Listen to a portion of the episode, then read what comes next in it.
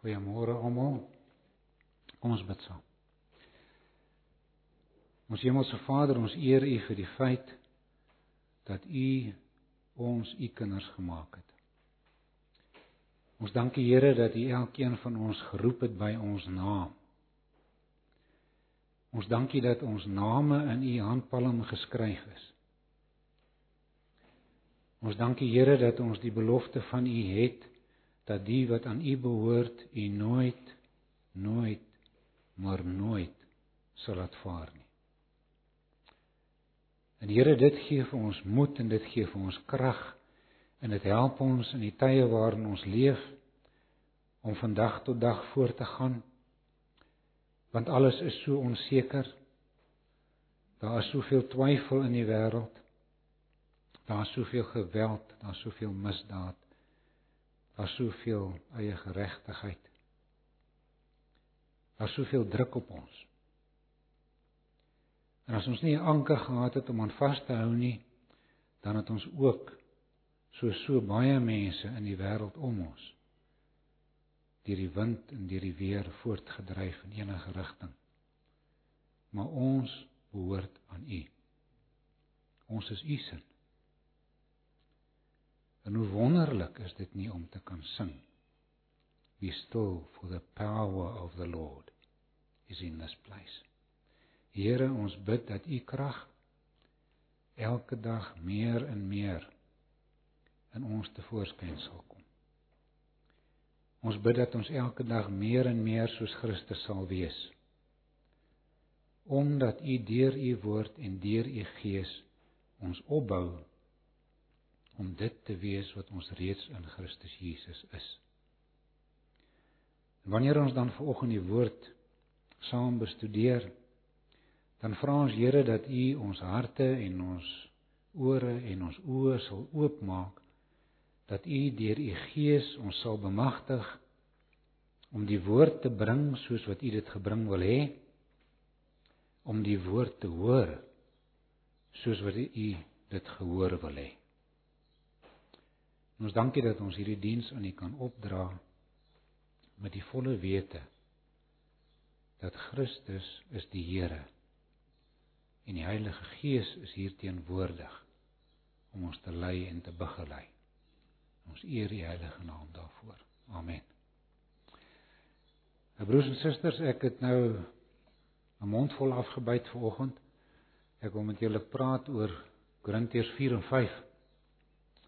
Maar nog nie julle Bybels oopmaak nie, ons gaan nou nou daarby kom.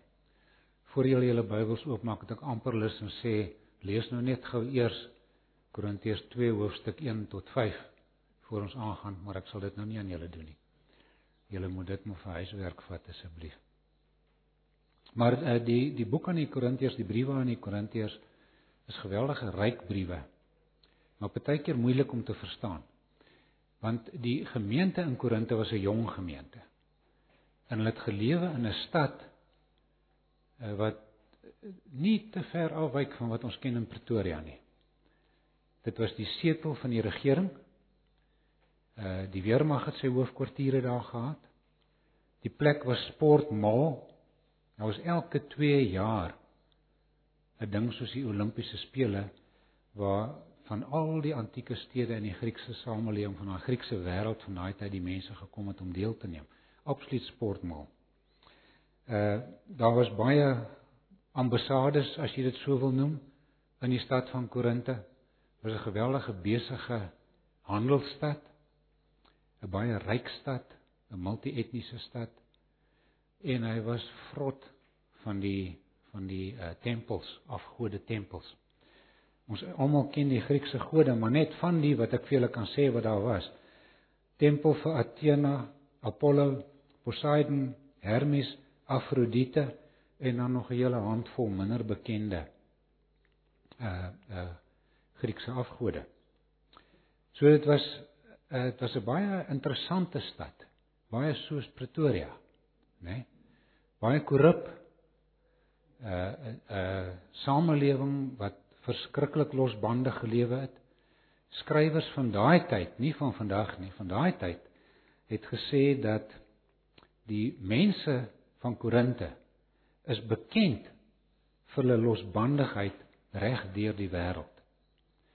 Nou in daai omstandighede het Paulus 'n gemeente gestig daar. En hy het volgens Handelinge 18 so 'n jaar en 'n half daar gebly om die gemeente op te bou, te vestig.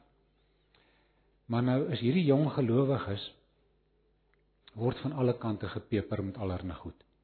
Nou onthou nou, hierdie ouens is nie ingevoer nie, hierdie gelowiges nie. Hulle het uit hierdie gemeenskap waarvan ons praat tot geloof gekom. So in die verlede was hulle deel van daardie gemeenskap en hulle het die goed gedoen wat daardie gemeenskap gedoen het. En nou is hulle skielik anders. Nou is hulle Christene. En nou leef hulle anders en hulle neem nie meer deel aan die goed waaraan hulle voorheen deelgeneem het nie. En dit bring hulle onder baie druk.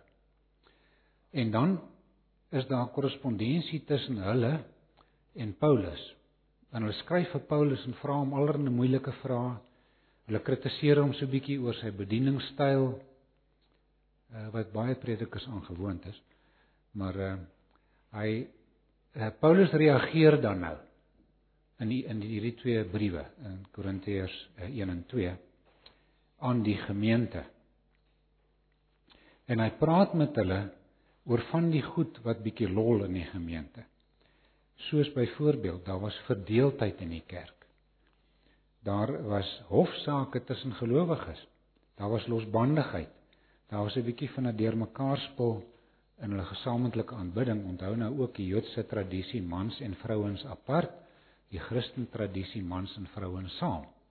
Soos 'n nuwe ding en dit lei ook tot 'n deurmekaar spul daar in die kerk. So daar's 'n hele klomp goed en dan dit alles saam met geestelike onvolwassenheid maak dit vir die gemeente moeilik om aan te gaan. Wanneer Paulus nou reageer, dan skryf hy en hy praat baie reguit oor baie van die goed maar hy probeer hulle ook terselfdertyd leer en dit is waar ons dilemma kom baie keer met Korintiërs.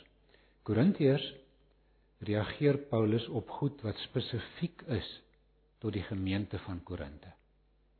Maar Paulus skryf ook goed wat spesifiek is tot die kerk oor alle eeue. En 'n mens moet daai onderskeid tref. En daarom is dit moeilik om 'n preek te bring as mens nie die agtergrond volledig het nie. So alhoewel ek nog gesê het julle moet uh, Korintiërs 2 by die huis gaan lees, moet julle maar 1 ook lees. Dit uh, dit gee jou net 'n beter beeld. En dan sal julle ook sien waar pas in wat ek vanoggend vir julle wil wil deel. Maar dit is dis een van die goed wat ons uitgehaal het wat ons sê is spesifiek tot die kerk vir oor alle eeue. Dit is nie 'n antwoord net vir die Korinte nie. Dis 'n antwoord vir almal van ons. En uh Die ding waaroor ons wil praat vanoggend is dat ons leef deur die geloof. En die geloof is 'n baie moeilike konsep partykeer is dit nie om te verstaan. Maar die vraag wat ontstaan het by die Korintiërs en wat hulle spesifiek vir Paulus vra is: Wat word van ons na die dood? Hulle het 'n probleem gehad met die opstanding. Meeste van die filosofieë waaruit hulle gekom het, het hoegenaamd nie geglo in 'n opstanding nie of Hulle het geglo aan 'n reïnkarnasie tipe van ding en so aan. Maar nou wil die gelowiges weet daaroor, wat is die Christelike standpunt oor die opstanding? So die vraag is, wat word van my wanneer ek sterf? En dis wat hy moet beantwoord. Nou julle weet net so goed soos ek as party mense wat sê daar word niks van jou nie. Jy gaan dood, jy word begrawe, dis die eind van die storie. Daar is sulke mense. Ons ken almal sulke mense. Daar's mense wat sê ek het nie 'n idee nie. Ek het nie 'n idee nie. Enigiets kan gebeur. Ek weet nie. Dan is daar mense wat sê daar is 'n opstanding. Daar's 'n vereniging met Christus. En dit is ons. En ek hoop elkeen van julle kan dit sê. Maar dit is wat Paulus nou moet hanteer. Hy moet vir hulle sê daai eerste twee vrae met hulle antwoorde is nie vir ons 'n opsie nie. Vir Christene is dit nie 'n opsie nie. Daar's 'n opstanding en dan gebruik hy Korintiërs 4 van vers 16 af eh tot by 5 eintlik uit tot die einde hoofstuk 5 om te verduidelik wat die opstanding is, hoe dit werk. En dis wat ek probeer onder woorde bring vanoggend. Nou dis 'n mondvol en dis 'n moeilike taak. So wees geduldig, hou julle Bybels oop en lees saam met my en soos wat ons dit herhaal en herhaal deur hierdie preek sal jy sien dit raak makliker. So kom ons lees dus nou saam Korintiërs 2 Korintiërs hoofstuk 4 van vers 16. 2 Korintiërs 4 vers 16. Nou jy sal onmiddellik sien hy begin daar met om hierdie rede en dis hoekom ek nou gesê het julle die eerste 3 hoofstukke moet lees want daarin gee hy die redes. Dis nie net een nie. Hy verduidelik 'n hele klomp goed daar en hy bevestig sy geloof en dan begin hy met uh 4 vers 16. Om hierdie rede word ons nie moedeloos nie. Al is ons uiterlik besig om te vergaan, innerlik word ons van dag tot dag vernuwe. Ons swaar kry in hierdie lewe is maar gering en gaan verby. Maar dit loop vir ons uit op 'n heerlikheid wat alles verre weg oortref en wat ewig bly. Ons oog is nie op sigbare dinge gerig nie, maar op die onsigbare. Want die sigbare dinge is tydelik, maar die onsigbare ewig. Hoofstuk 5 Ons weet dat wanneer ons aardse woning wat maar 'n tent is, afgebreek word, ons 'n vaste gebou in die hemel het. Dit is 'n woning wat nie deur mense gemaak is nie, maar deur God en dit bly ewig staan. Terwyl ons in die tentwoning leef, sug ons want ons verlang daarna dat ons woning uit die hemel ons sal oordek. U hoor die tipe taal gebruik, né, die metafore en goed. So bly kalm, hou kop. Ons gaan dit probeer ontleed. Uh, vers Ons wil nie ontkleed wees en naak voor God staan nie. Ons wat nog in die tentwoning is, sug en voel bedruk omdat ons nie van die aardse liggaam afstand wil doen nie. Ons wil die hemelse bo oor die aardse aantrek sodat wat sterflik is verteer kan word deur die lewe. Hy wat ons vir hierdie oorgang voorberei het, is God let op baie belangrike vers. Hy wat vir hy wat ons vir hierdie oorgang voorberei het, is God. As waarborg hiervan het hy ons sy gees gegee. Daarom is ons altyd volmoed. Ons weet dat solank as ons in die liggaam bly, ons nog nie by die Here woon nie. Want ons lewe deur geloof, nie deur sien nie. Ons is volmoed en sou liewer ons verblyf in die liggaam wil verlaat en by die Here gaan woon. Maar of ons hier woon of daar woon, ons het net een wens en dit is om te lewe soos hy dit wil. Ons moet immers almal voor die regterstoel van Christus verskyn sodat elkeen kan ontvang volgens wat hy tydens sy aardse lewe gedoen het of dit nou goed was of kwaad daai kwaad kan ook vertaal word met waardeloos. Met ander woorde, uh ons sal moet verslag doen wat in ons lewe gedoen het nou of goed was of waardeloos. Nou soos ek reeds gesê het, hierdie skryfstyl is 'n bietjie oorweldigend van tyd tot tyd, né? Nee. Maar uh maar ons gaan probeer. Paulus praat hier direk met die gelowige oor sy eindbestemming. En derhalwe praat hy dus ook met ons. En hy antwoord daai vraag: Wat word van my wanneer ek sterf? Nou kom ons bou bietjie op soos Paulus. As ons kyk na die eerste ding wat hy sê, ons lewe gaan verby. In uh, hoofstuk 4:16 wil Paulus hê ons moet verstaan dat daai opsie van as ek dood is, uh, is dit alles verby. Bestaan nie vir ons nie want hy sê die lewe bestaan uit meer as net asemhaal. Dit bestaan uit meer as net elke dag opstaan en jou ding doen en saans gaan slaap en so. Nee, hy sê uh daar is meer in die lewe as dit. Dit eindig nie net by die graf nie. Hy sê ons uiterlike is besig om te vergaan. Nou in gewone Afrikaans beteken dit ons is besig om ouer te word.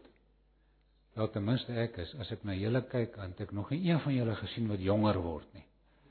Maar dis wat Paulus hier sê, ons word ouer, ons vergaan. Nee, ons liggaam is besig om te vergaan.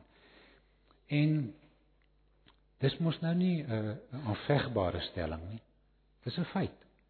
So Paulus sê vir die gemeente, kyk na die feite van jou lewe. Moenie leef in 'n droomwêreld nie. Aanvaar daar's goed wat werklik is, daar's goed wat met almal gebeur. En een van hulle is dat jy ouer word. Uh ons ons is net nie meer wat ons was nie, nê. Nee. Goed. Maar terwyl hy dit nou sê, sê in daai selfde vers, maar ons word van dag tot dag vernuwe. So aan die een kant sê besig om ouer te word en treuriger. Aan die ander kant sê Paulus word jy sterker gemaak en nuut gemaak elke dag. Jy word opgebou. In daai kontras is dikwels te veel om te verstaan, is dit nie? As jy nie in die gees opgebou word nie, waar word jy opgebou? Want jy word verseker nie in die liggaam opgebou nie. So Paulus wil dit baie duidelik maak, die mens bestaan uit twee elemente, die liggaam en die gees. Die een gaan tot nuut, die een word vernuwe. En dit wil hy by ons vestig. Daai innerlike wese van ons. Maar wil ook hê ons moet verstaan die twee is nie onafhanklik van mekaar nie. Terwyl ek lewe in die liggaam, het ek 'n verantwoordelikheid vir lewe in die gees, in myself. As ek deur die Here geroep is om syne te wees, is daar 'n bepaalde reaksie by my, nie waar nie? En dit is waarna Paulus ook wil verwys. Ek gaan dit nou nie in detail bespreek nie. Jy sien dit raak al meer en meer kompleks, maar kom ons bly nou maar eers net hier by die, by hierdie twee aspekte. So Wanneer hy praat van die hernuwe, dan praat hy terselfdertyd van dit wat onsigbaar is. Dit wat in die geesteswêreld is, om dit so uit te druk. Ons sien dit nie, nê. Nee. Alhoewel in die liggaam kan ek sê in die tyd wat ek jou geken het, en hier's 'n klomp van julle wat ek geken het, het ek die hernuwing gesien. En julle kan sê julle het dit in my gesien. Julle het gesien die geestelike groei.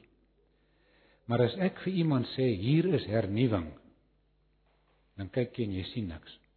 Nie waar nie. En dis wat hy bedoel. Die die werk van die Gees in my kan ek nie voel nie, ek kan dit nie vat nie, ek kan dit nie hier neersit en bestudeer nie.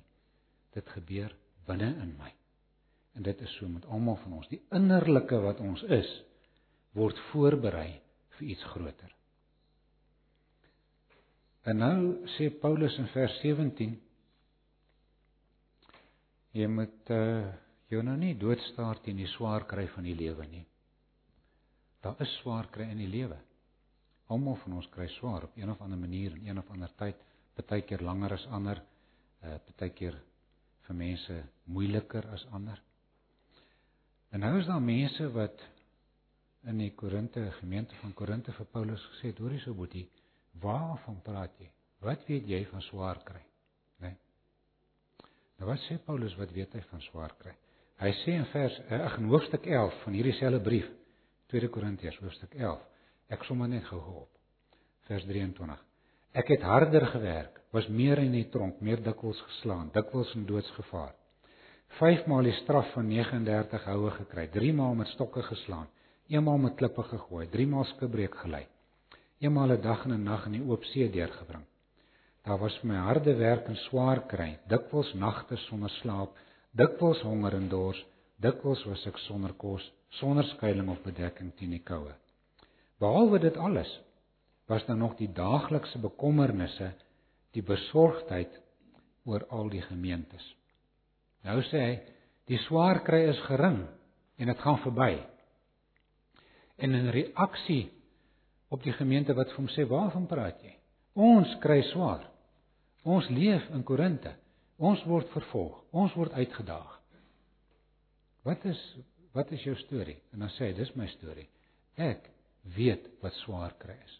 Met ander woorde Paulus wil sê elkeen van ons het sy eie swaar kry en elkeen van ons moet daai swaar kry kan hanteer. En hy wil vir ons hier sê hoe hanteer jy dit, né? Nee? Hy sê dis gering, dit gaan verby. Dis een manier om te hanteer, onthou, onthou dit gaan verby.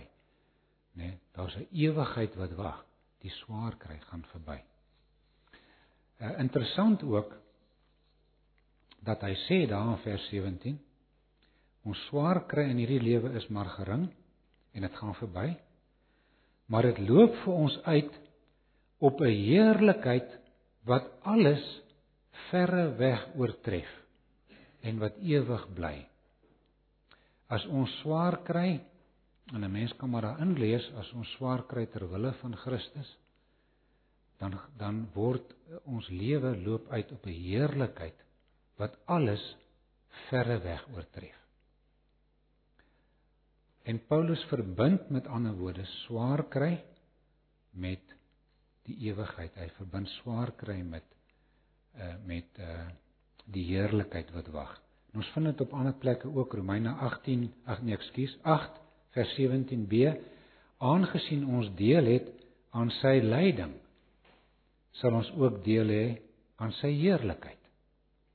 Filippense 1:29 God het julle die voorreg gegee om Christus te dien nie alleen deur in hom te glo nie maar ook deur vir hom te ly. Met ander woorde in Paulus se gemoed en in ons gemoed behoort daar baie duidelike verstaan te wees. Daar's 'n verband tussen lyding en heerlikheid. Die een is voorbereiding vir die ander. Eh, in Romeine 8 vers 18 sê Paulus: Ek is daarvan oortuig dat die lyding wat ons nou moet verduur nie opweeg teen die heerlikheid wat God vir ons in die toekoms sal laat aanbreek nie. So die geringheid, die tydelikheid van die lyding, sê hy, moet jy weeg teenoor die heerlikheid.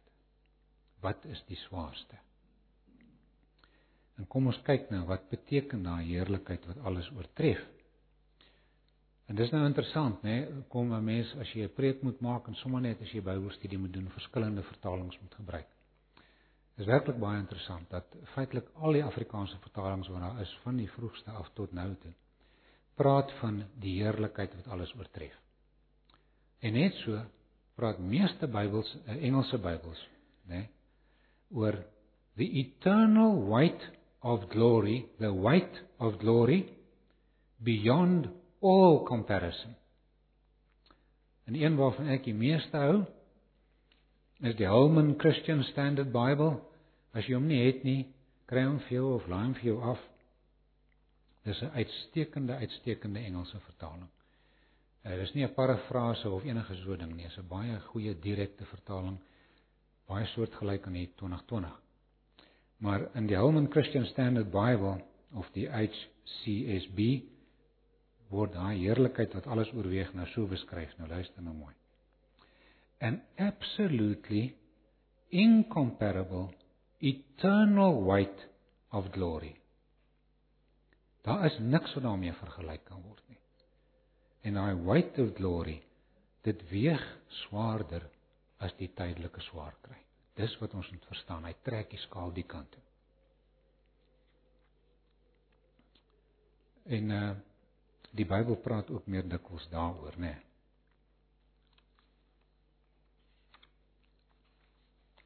So dit is 'n deel van wat Paulus vir ons sê van die verbygaande aard en so aan. Maar dan uh, sê Paulus, hoe weet ons hierdie goed? Hoe is dit nou jy weet nou baie van wat ons nou hier gaan aanhaal sê hy ook, maar ander skrywers van die Bybel sê dit ook. Paulus sê hoe weet ons hierdie goed? Uh, 2 Korintiërs 3:18 Terwyl ons almal met onbedekte gesig soos in 'n spieël die heerlikheid van die Here aanskou, die heerlikheid, word ons van gedaante verander na dieselfde beeld van heerlikheid tot heerlikheid. 1 Korintiërs 2:9 Maar soos geskrywe is, wat die oog nie gesien en die oor nie gehoor en in die hart van 'n mens nie opgekom het nie, wat God berei het vir die wat hom liefhet, die onsigbare dinge. Lukas 6:23 Wees bly in daardie dag en spring op want kyk julle loon is groot in die hemel. Daar is 'n hemel, daar's 'n daar's 'n lewe na hierdie. 1 Johannes 3:2 Geliefdes, nou is ons kinders van God en is nog nie geopenbaar wat ons sal wees nie, maar ons weet dat ons as hy verskyn aan hom gelyk sal wees omdat ons hom sal sien soos hy is. 1 Petrus 5 vers 10 En mag die God van die genade self van alle genade self wat ons geroep het tot sy ewige heerlikheid in Christus Jesus. Uh, nadat ons 'n kort tyd gelei het, julle volmaak bevestig, versterk en gegrondves. En nog twee Openbaring 17 7 uh, vers 17 wanneer die lam wat in die middel van die troon is sal hulle laat wy en hulle na lewende waterfonteine lei en God sal alle trane van hulle oë afvee. En Openbaring 21:4 en God sal al die trane van hulle oë afvee en daar sal geen dood meer wees nie, ook droefheid en geween en moeite sal daar nie meer wees nie, want die eerste dinge het verbygegaan. Die mense van hom vra Paulus, "Hoe weet jy hierdie dinge?" Dan sê ek, "Weet dit, want die woord van God sê dit vir my." En nou het ek vir julle 'n paar gelees van wat die woord van God vir ons sê. Daar is 'n lewe na hierdie. Daar is 'n opstanding. Daar is 'n heerlikheid waarvan ons die gewig nie kan bepaal nie. Dit is net te veel vir ons. En vir wie is dit? Dis vir hulle wat lief is vir die Here. Dis vir hulle wat die Here dien. Dis vir hulle. Dis vir my en vir jou. Nou C.S. Lewis het 'n boek geskryf met die die titel The Weight of Glory, waar hierdie hele ding in 'n boek behandel. En ek kan vir julle sê, dis een van rakke vol boeke oor hierdie tema. En uh, ek het so 'n bietjie geparafraseer wat hy sê. Maar hy sê daar waar waar Paulus praat van ons wil beklee word, né? Nee, sê wat beteken dit? Dit beteken ons sien die skoonheid van die natuur om ons en ons aanvaar dit as 'n gawe van die Here en ons geniet dit. Ons ken mense vir wie ons lief is en wat vir ons lief is. Dit is 'n gawe van die Here en ons hou daarvan. Dit is goed vir ons. Ons het die woord van die Here lief. En so gaan hy aan. Hy het 'n hele beskrywing van al die goed waarvan ons hou in hierdie lewe. Dan sê hy maar ons wil meer hê. Ons wil meer hê want die Bybel beloof vir ons 'n heerlikheid wat alles oortref en ons wil daai heerlikheid hê. Ons wil ons beklee met daai heerlikheid. En dan sê hy, wanneer dit gebeur, eh, wanneer ons daai heerlikheid kry, dan is dit kom ek lees wat ek hier uit sy boek uit vertaal het. Ons huidige lyding berei ons voor op iets so onvergelyklik, so verstommend, so wonderlik dat ons dit nie kan beskryf nie. Daardie heerlikheid wat alles oortref, ken geen beproewing, geen pyn, geen isolasie, geen hartseer, geen eensaamheid, geen swakheid, geen mislukkings nie. Ons sal nie afgeskeep of waardeloos voel of wees nie.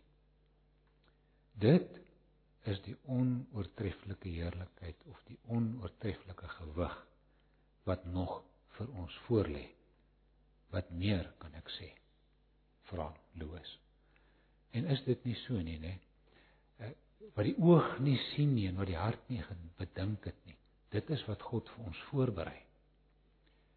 Ons sien so uit daarna.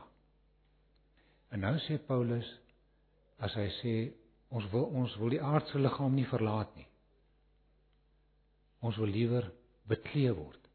Dan vra hy: "Kom Here Jesus, kom gou." Dis wat hy sê. Terwyl ek nog lewe, neem my op in u heerlikheid. Nou dit het nie vir hom gebeur nie. Né? Nee? En dit het nog nie vir enigiemand gebeur tot vandag toe behalwe nou in die ou tyd Elia en so.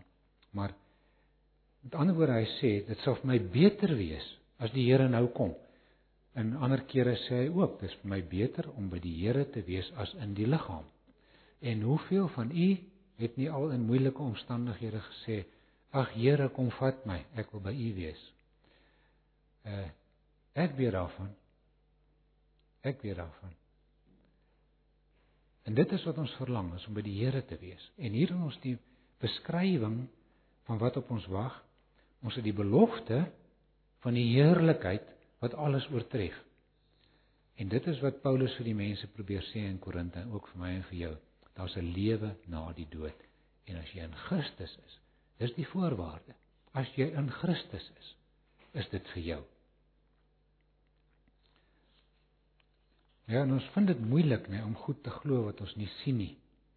Uh want Efesiërs 6:12 sê mos vir ons ons worstelstryd worstelstryd is nie teen vlees en bloed nie, maar teen die owerhede, teen die magte, teen die wêreldheersers van die duisternis van hierdie eeu, teen die bose geese, geeste in die lig. Dit is so, dit is vir ons moeilik om hierdie goed te begryp. Maar ons wil deur die geloof dit vat. Ons verstand sê vir ons, ons weet, veral in hierdie eeu wat ons leef, om ons is daar duisende onsigbare goed. Die straaltjie wat my stem opneem is onsigbaar. Die al julle fone wat nou aan is nog steeds kry 'n sein wat nie een van ons kan sien nie, né? As hulle jou instuur vir 'n CT scan, al daai goed. Daar's duisende en duisende goed wat onsigbaar is vir ons.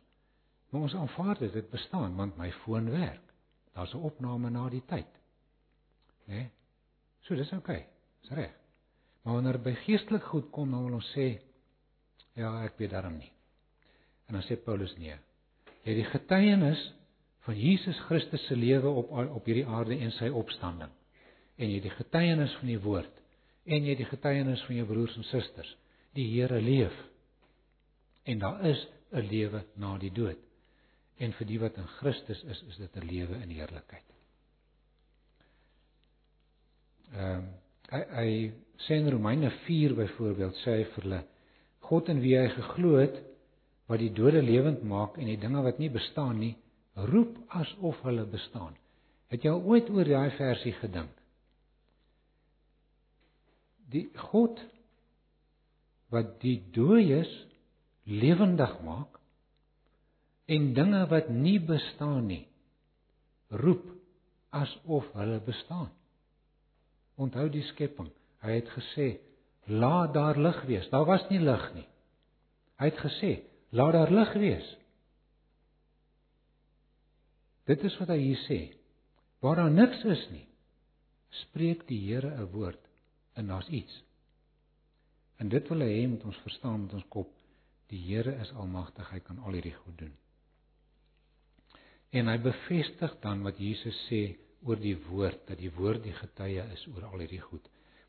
Dat in Matteus en Markus en Lukas sê Jesus hierdie woorde: Die hemel en die aarde sal vergaan, maar my woorde nooit.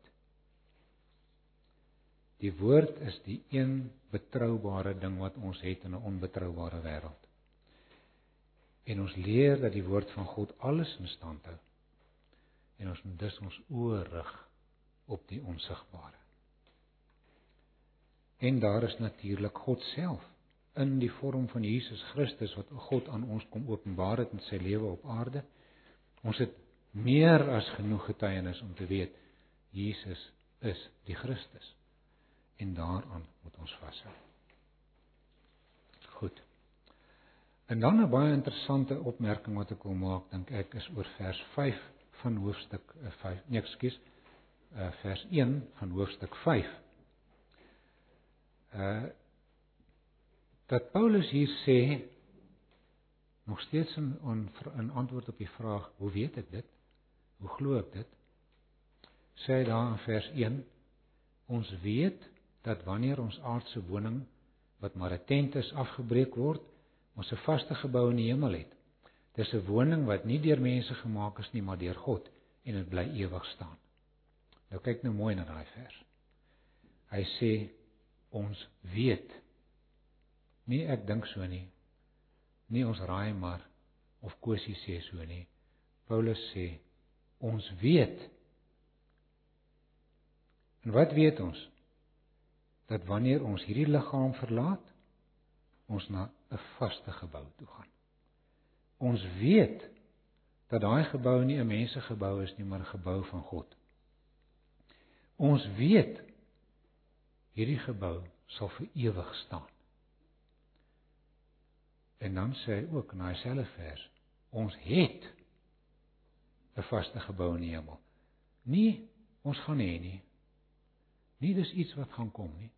Hy sê ons het 'n vaste gebou in die hemel. Dit bestaan reeds. Dit wag vir ons. Hoe weet ons dit? Wel, Jesus het gesê hy gaan om vir ons plek voor te berei. As dit nie so was nie, sou hy dit nie vir ons gesê het nie. Daar is vir ons plek voorberei, die ewige gebou wat in die hemel staan, wat nooit verby sal gaan nie, bestaan alreeds. En dan moet u nou maar verder self uh daai daai hoofstuk klaar lees. In in vers 2 praat Paulus byvoorbeeld van die naaktheid wat geklee moet word. En dis soos ek net nou ook gesê het, uit 'n geestelike oogpunt baie keer moeilik om te begryp. Wat bedoel hy daarmee? Maar ek het dit probeer verduidelik. Vers 4 sê hy ons sug omdat ons nog in die tydelike tentwoning is terwyl ons verlang dat ons permanente woning uit die hemel ons sal oordek. Nou die oorspronklike woord wat daar gebruik word is ons sal insluk. En dis wat ek net nou gesê het, hy wil die die lewe behou tot Christus kom en ingesluk word na heerlikheid net soos wat hy is. As hy dan 'n verheerlikte liggaam het, dan is dit daai oomblik. Maar maar dis 'n soort van beeldspraak wat hy gebruik om te sê die tydelike moeilike lewe, die lewe vol lyding wag op die koms van die ewige en die verheerlikte. En hy hy sou so daarvan gehou het as Christus sommer nou gekom het. En dit is vir almal so, is dit nie? Ons wil dit hê. Maar dat ons ingesluk word in ons permanente woning.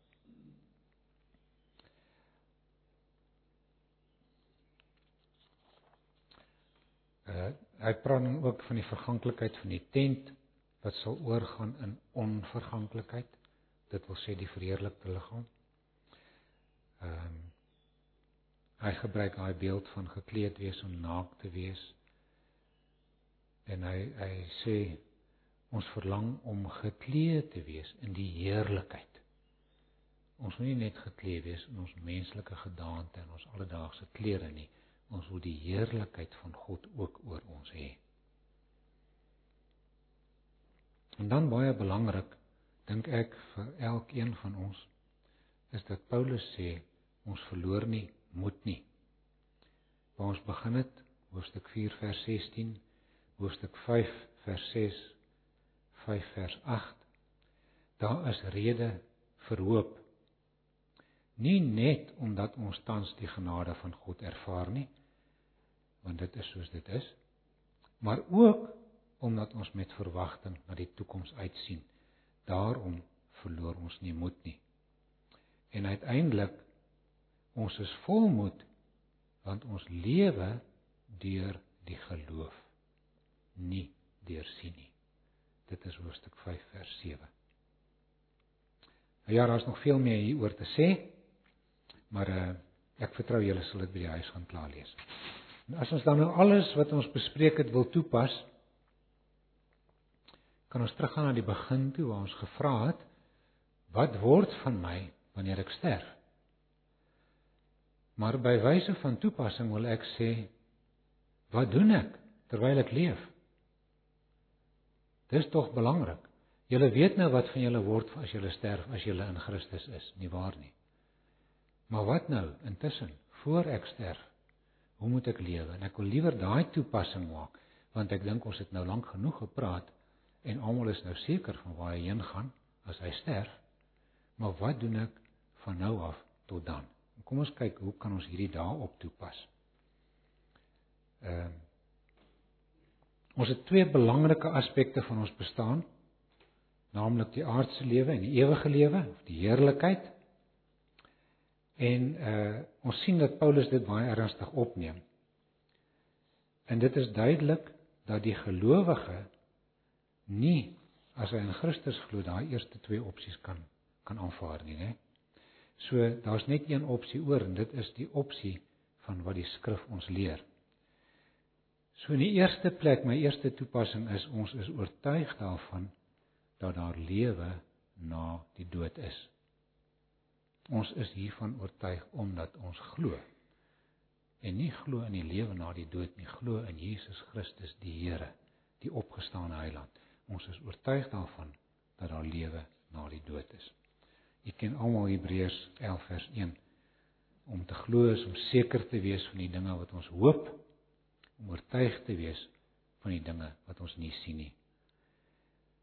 En Romeine 1 vers 17 gedeelte daarvan. Die evangelie kom juis tot openbaring dat God mense van hulle sonde vryspreek enkel en alleen omdat hulle glo. Dit is soos daar geskrywe staan: Elkeen wat deur God vrygespreek is omdat hy glo, sal lewe. Daar's lewe na die dood. En dit is natuurlik 'n aanhaling uit Habakuk 2, maar die regverdige deur sy geloof sal hy lewe. Dis op grond van die feit dat ons glo in die voltooide werk van Jesus Christus aan die aan die kruis, glo ons ook dat ons vrygespreek is en as ons vrygespreek is, glo ons ook dat ons sal lewe. Ons sal die aardse tentwoning verruil vir die heerlikheid wat alles oortref. Dus terwyl ek en jy lewe, glo ons en bid ek dat deur die genade van die Here ons aanhou glo. In die tweede plek rig jou oë op die onsigbare en nie die sienlike nie. Moenie toelaat dat hierdie wêreld met sy baie begeerlikhede en as enige iemand dit ontken, dan ontken jy jou werklike innerlike ek. Uh, Daar's baie goed in hierdie wêreld wat mooi is en wat ou graag nogal sou wou hê partykeer maar ons moenie dat hierdie goed die middelpunt van ons lewe word nie. En net so moet ons nie toelaat dat oorloë en maskers en swaar kry en ouderdom en siekte en al daai goeters ons oë van Christus aftrek nie. Die goed bestaan. My broer en suster, ek ontken dit nie vir oomblik nie en het gesien Paulus het dit nie ontken nie. Hierdie goed bestaan. Maar dis hoe ek dit hanteer wat saak maak. Christus is my fokus. En solank ek my oog op Christus hou, kan ek deur hierdie goed kom. Ons gaan nie daardeur draf asof dit nie is nie. Dis werklikhede en party van hierdie goed is vrek moeilik om te hanteer. Maar in Christus wat my krag gee, is ek daartoe in staat. Vestig jou oog op Christus, nie op al die sienlike goed nie. So alhoewel ons sukkel, moet ons weet daar is ook die waarborg dat as ons dit so doen, het ons die woord van die Here wat vir ons sê in daar in hoofstuk 5 2 Korintiërs 5:5 Hy wat ons vir hierdie oorgang voorberei het, is God. En as waarborg hiervan het hy ons sy gees gegee. Ons het die gees ontvang. God berei ons voor vir die oorgang hierdie lewe nou vandag ek en jy is op hierdie oomblik besig met voorbereiding vir ons oorgang na die heerlikheid. En dit word gewaarborg deur die Gees wat God vir ons gegee het. Hou daaraan vas. En uh Jesus self waarna ek al reeds verwys het, het gesê dat hy ons gaan plek voorberei. Ons het die waarborg van die woord, ons het waarborg van die Here dat ons word voorberei, ons word versorg. Daar's 'n plek vir ons.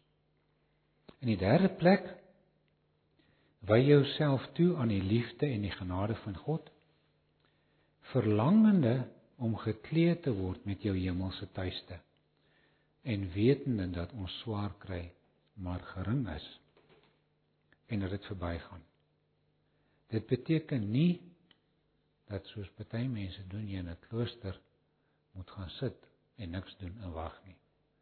Maar hulle doen nie altyd niks nie, maar ek bedoel, jy moet jou nie afskei van die wêreld en sê nou doen ek niks, ek wag nou. Nee, dis nie wat jy moet doen nie. Uh dit beteken veel eerder dat jy moet besig wees met wat jou hand vind om te doen. Soos Paulus en so so baie mense wat in die diens van die Here gestaan het en vandag nog staan wat werk vir die koninkryk terwyl hulle kan. Dis wat ons moet doen. En julle sal onthou ek het verlede Sondag gesê, wanneer die moeilike tye kom, wanneer daar druk op ons is, dan beteken daai gebed van Dawid nie noodwendig vat hierdie van my weg nie, daai leer my nie. Dit beteken leer my hoe om in hierdie omstandighede te lewe, omstandighede te lewe sodat U verheerlik sal word. Onthou dit. Uh bid dat die Here jou sal help om jou toewyding elke dag nuut te maak. Dat die Here jou sal help om elke dag te onthou wie is in beheer van jou lewe en vra hom om jou te wys hoe om te lewe in hierdie omstandighede. In die vierde plek uh is dit baie belangrik dat ons moet kennis neem daarvan dat daar 'n onderliggende aanname in hierdie hele boek en in die besonder dan ook in hierdie stuk wat ons vanoggend hanteer het. Daar is so wat 20 keer van hoofstuk 4:16 tot by hoofstuk 5:5 praat Paulus van ons ongeveer 20 keer. En wie verwys na wie verwys hy? Hy verwys na ons as die wat glo. Dis wie die ons is. Met ander woorde, dis nie vir almal nie. Ek kan nie onthou dit wie dit gesê nie. Ek, ek dink amper dit was Louis Malherbe uh, wat gesê het die Bybel is nie vir heidene geskryf nie. Die Bybel is vir Christene geskryf. Dis die handboek van die lewe vir die Christen. En dis omtrent wat hier wat hier wat ek vir julle hier wil sê. Wanneer Paulus praat van ons, dan sê hy nie alle mense gaan die heerlikheid beerf nie. Daar is 'n heerlikheid en hy gaan beerf word, maar nie alle mense gaan die heerlikheid beerf nie. Ons gaan dit beerf. Ons dit die gelowige wat sy vertroue in Jesus Christus stel vir tyd en vir ewigheid. Dis hulle wat die heerlikheid gaan bereik en gaan beerf. So maak seker dat jy een van hulle is. En dan in daai selfde hoofstuk in vers 17 sê hy iemand wat aan Christus behoort is 'n nuwe mens. Die ou is verby. Die nuwe het gekom. As jy nie een van hulle is nie, dan wil ek saam met Paulus in in hoofstuk 5 vers 20b vir jou sê ons smeek julle namens Christus aanvaar die verzoening met God wat hy bewerk het, hy wat Christus is. En as jy daai verzoening aanvaar, is jy 'n nuwe skepsel. Jy word nuut gemaak in hom. Die verlede is verby. Jy is 'n nuwe skepsel in Christus. En ons het die Gees ontvang as 'n waarborg daarvan. En sulke mense is altyd gereed om die tentwoning prys te gee vir die vaste gebou in die hemel. En verheug jou daarin. Kom ons bid saam.